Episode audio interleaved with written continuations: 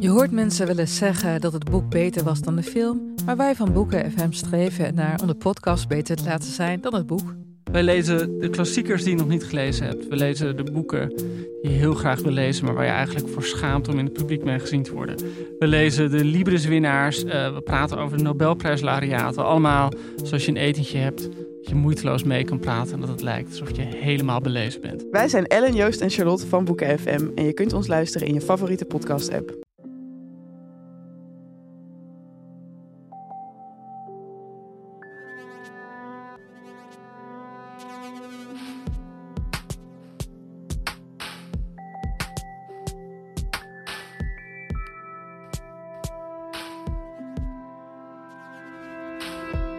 Hallo, ik ben Pieter van Relaas.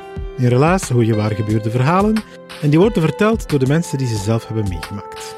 We gaan luisteren naar Gilbert. Gilbert die vertelt een verhaal uit zijn kindertijd. Een avontuur, zegt hij zelf, maar het is eigenlijk een oorlogsverhaal. Maar zoals bij heel veel Vlaamse kinderen was natuurlijk de oorlog een hele spannende, bijzondere tijd. Gilbert vertrekt eind 1944 op een heel bijzondere trip.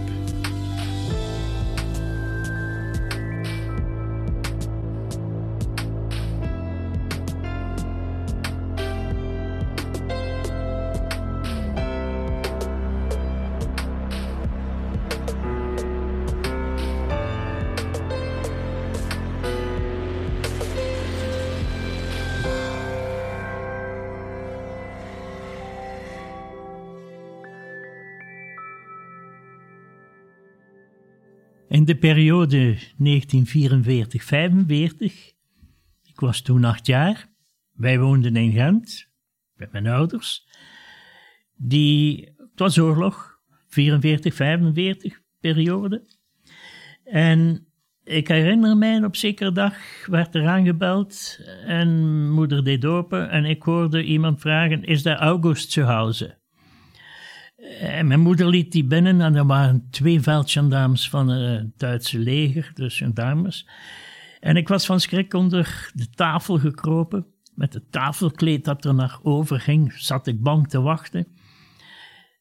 En plotseling werd de tafelhaken opgelicht en de Duits keek naar mij. Ik zag hij met zijn helm en zijn plakkaat, daar hing te zwieren aan zijn nek en zei...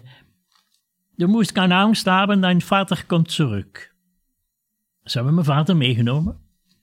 En na een paar uur, denk ik, is hij teruggekomen. Die heeft niks gezegd. Maar Sanderdag zei hij... Manneke, we gaan naar Frankrijk, hij en ik. Ah, naar Frankrijk, pa?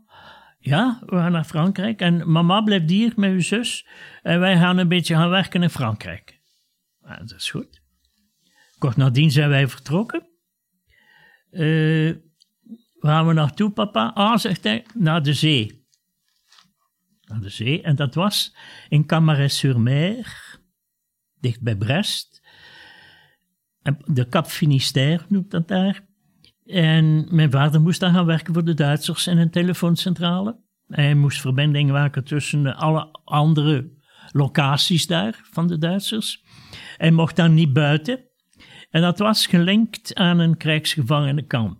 Dat was heel dichtbij, waren krijgsgevangenen van alle nationaliteiten. En ik herinner mij Belgen, Nederlanders, Engelsen, uh, Russen waren daar ook bij. Ik heb toch een anekdote met een Rus, uh, met een manneke van een jaar of 15, uh, die bij de panzertroepen van de Russen geweest was, was krijgsgevangenen En ja, en ik moest dan niet naar school. Er was geen school, eenvoudig. Er was een, een dorp van vissers. Uh, mensen leefden van de visvangst. En ik leefde daar als schot in Frankrijk. Het was dan goed. Mijn vader had dan uh, het gaventje een, uh, een kamertje gehoord, gehuurd bij een winkelier. Mijn pa en ik, we gingen daar s'avonds naartoe en s morgens vertrok mijn vader. Ik, ik kon slapen zolang ik wou, maar ik ging dan op mijn gemak naar uh, het krijgsgevangenenkamp. Waar ik veel vriendjes had natuurlijk. Ik sprak Frans, ik heb daar mijn Frans geleerd. En ik werd opgenomen en men noemde mij Le Petit Belge. Le Petit Belge, Le Petit Belge. Mijn naam, dat zeiden ze niet, het was Le Petit Belge. Ik had daar contact met die krijgsgevangenen. Die moesten overdag wegen aanleggen, wegen verbeteren, wat klusjes opwerken. Die werden goed behandeld en werden bewaakt door Duitsers die administratieve taken hadden, bijvoorbeeld die al aan het front geweest waren en die gekwetst geweest waren of te oud waren voor het front. En die hadden een kakkie uniform, ik herinner me nog heel goed, met een band uh, en daarop stond, er was een rode band en met witte letters stond op OT, Organisation Tot, dat was de Duitse administratie, die overste noemde Tot. En die moesten die gevangenen bewaken. Daar kon ik binnen en buiten lopen, vrij in de keuken, overal in de magazijnen.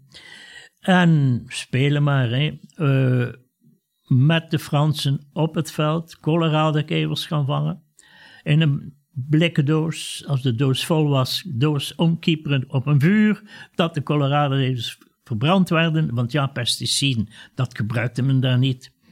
En dan was ik als ik met een paar uh, jongens uh, gaan varen uh, aan de kust, Atlantische Oceaan, en dan ja, vis gaan stelen van de drijvende bakken die daar verankerd lagen. Eigendom van de vissers. Vis gaan stelen die dan verkopen. En weet wat de kinderen allemaal uitrichten. Maar we liepen daardoor, moesten wij door een stuk op het strand lopen en de duinen.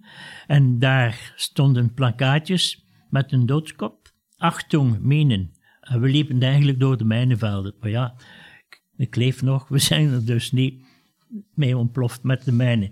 Goed, we hebben ons geamuseerd en ik weet nog goed, mocht, ik rookte kruiden sigaretten. En die sigaretten waren goed tegen astma.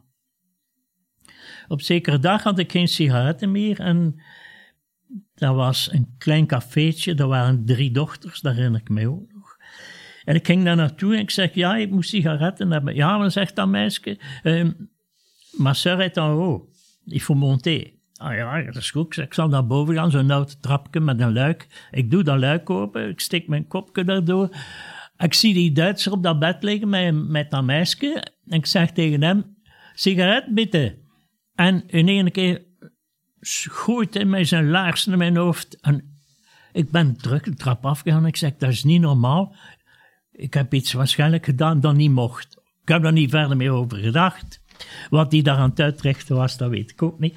Maar goed, dat was weer een leerschool van, pas op. Hè. Uh,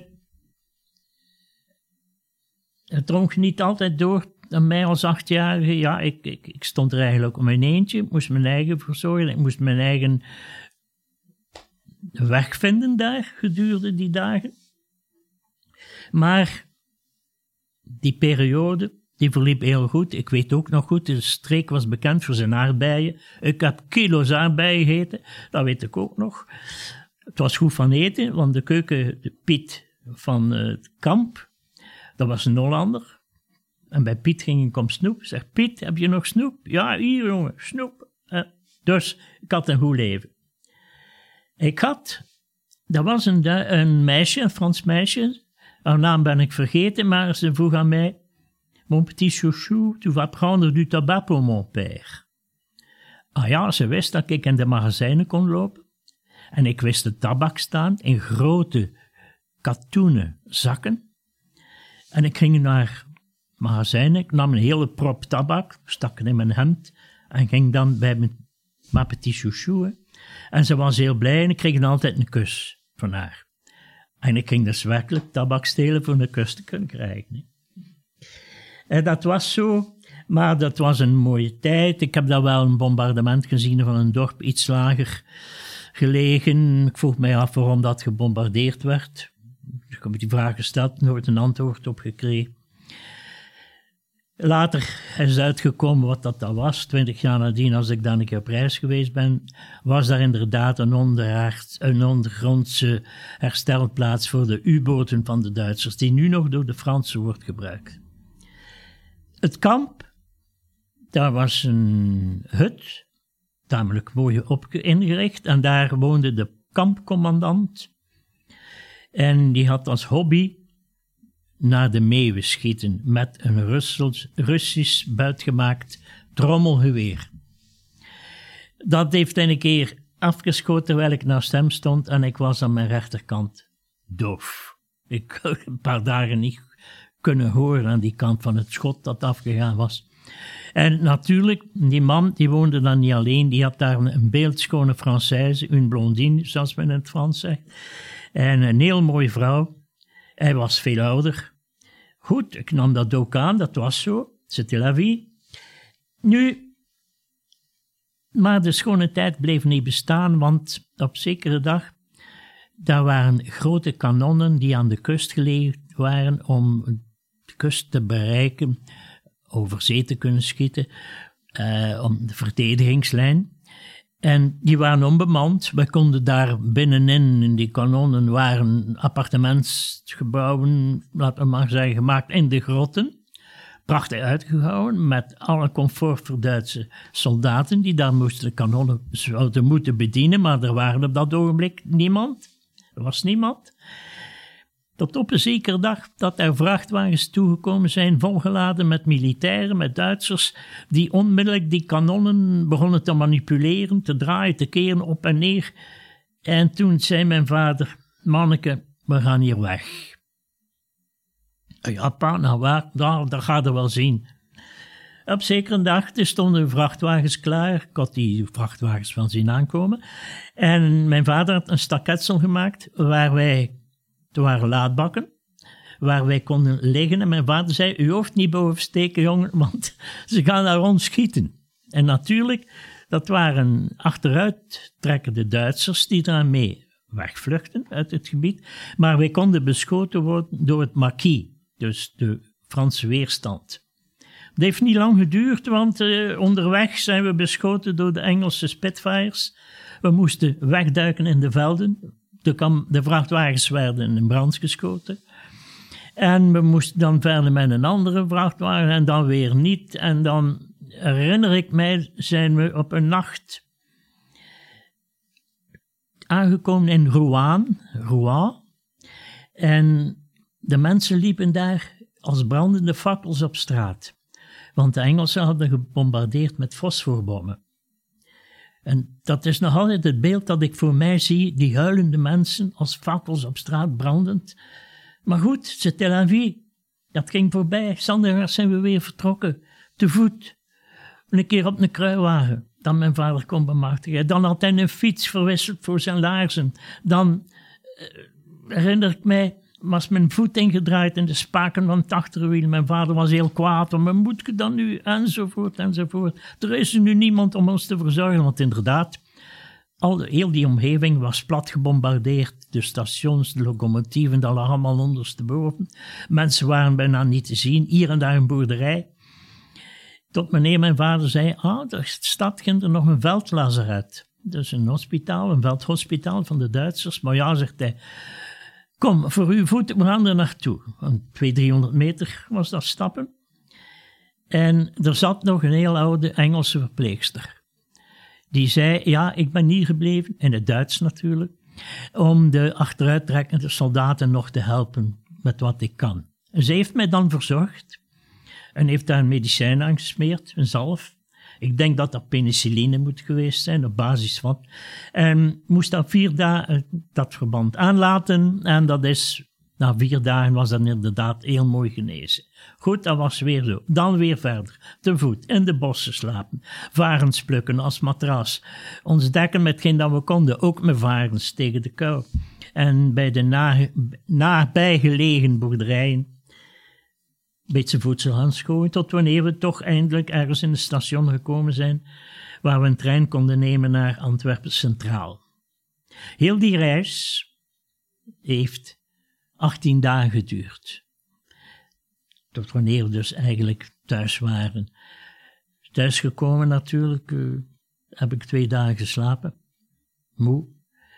Mijn moeder was dolblij dat we terug waren. Maar verder mijn vader en ik hebben daar nooit meer over gesproken, over dat verblijf in Frankrijk.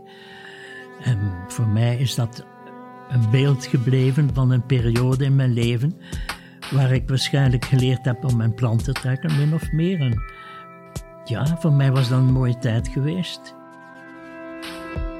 Dat was het relaas van Gilbert, over hoe hij zijn plan leerde trekken.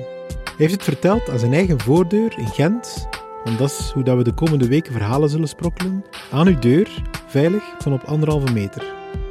En als je zelf een idee hebt voor een verhaal of zelf een verhaal wil vertellen, en je wil dat doen veilig van op afstand aan je voordeur, dan kan je dat altijd ons laten weten. Via onze website kan je een idee voor je verhaal droppen. Relaas is er dankzij de afdeling cultuur van de stad Gent en die van de Vlaamse gemeenschap. Dankzij ons team ook, dat niet stopt met verhalen zoeken, coachen, op te nemen en te monteren. En dankzij jullie, onze luisteraars. Het is al een tijdje geleden dat ik het nog eens gevraagd heb, maar bij deze, misschien willen jullie dit verhaal eens doorsturen naar iemand aan wie dat je moest denken toen je het hoorde. Dat zorgt er voor ons voor dat wij extra luisteraars krijgen en je doet er iemand een groot plezier mee. Een dubbele win dus. Tot de volgende relaas en denk af en toe eens aan Gilbert. Ook een lastige periode kan af en toe heel avontuurlijk zijn. Het is natuurlijk te zien vanuit welk perspectief je het bekijkt.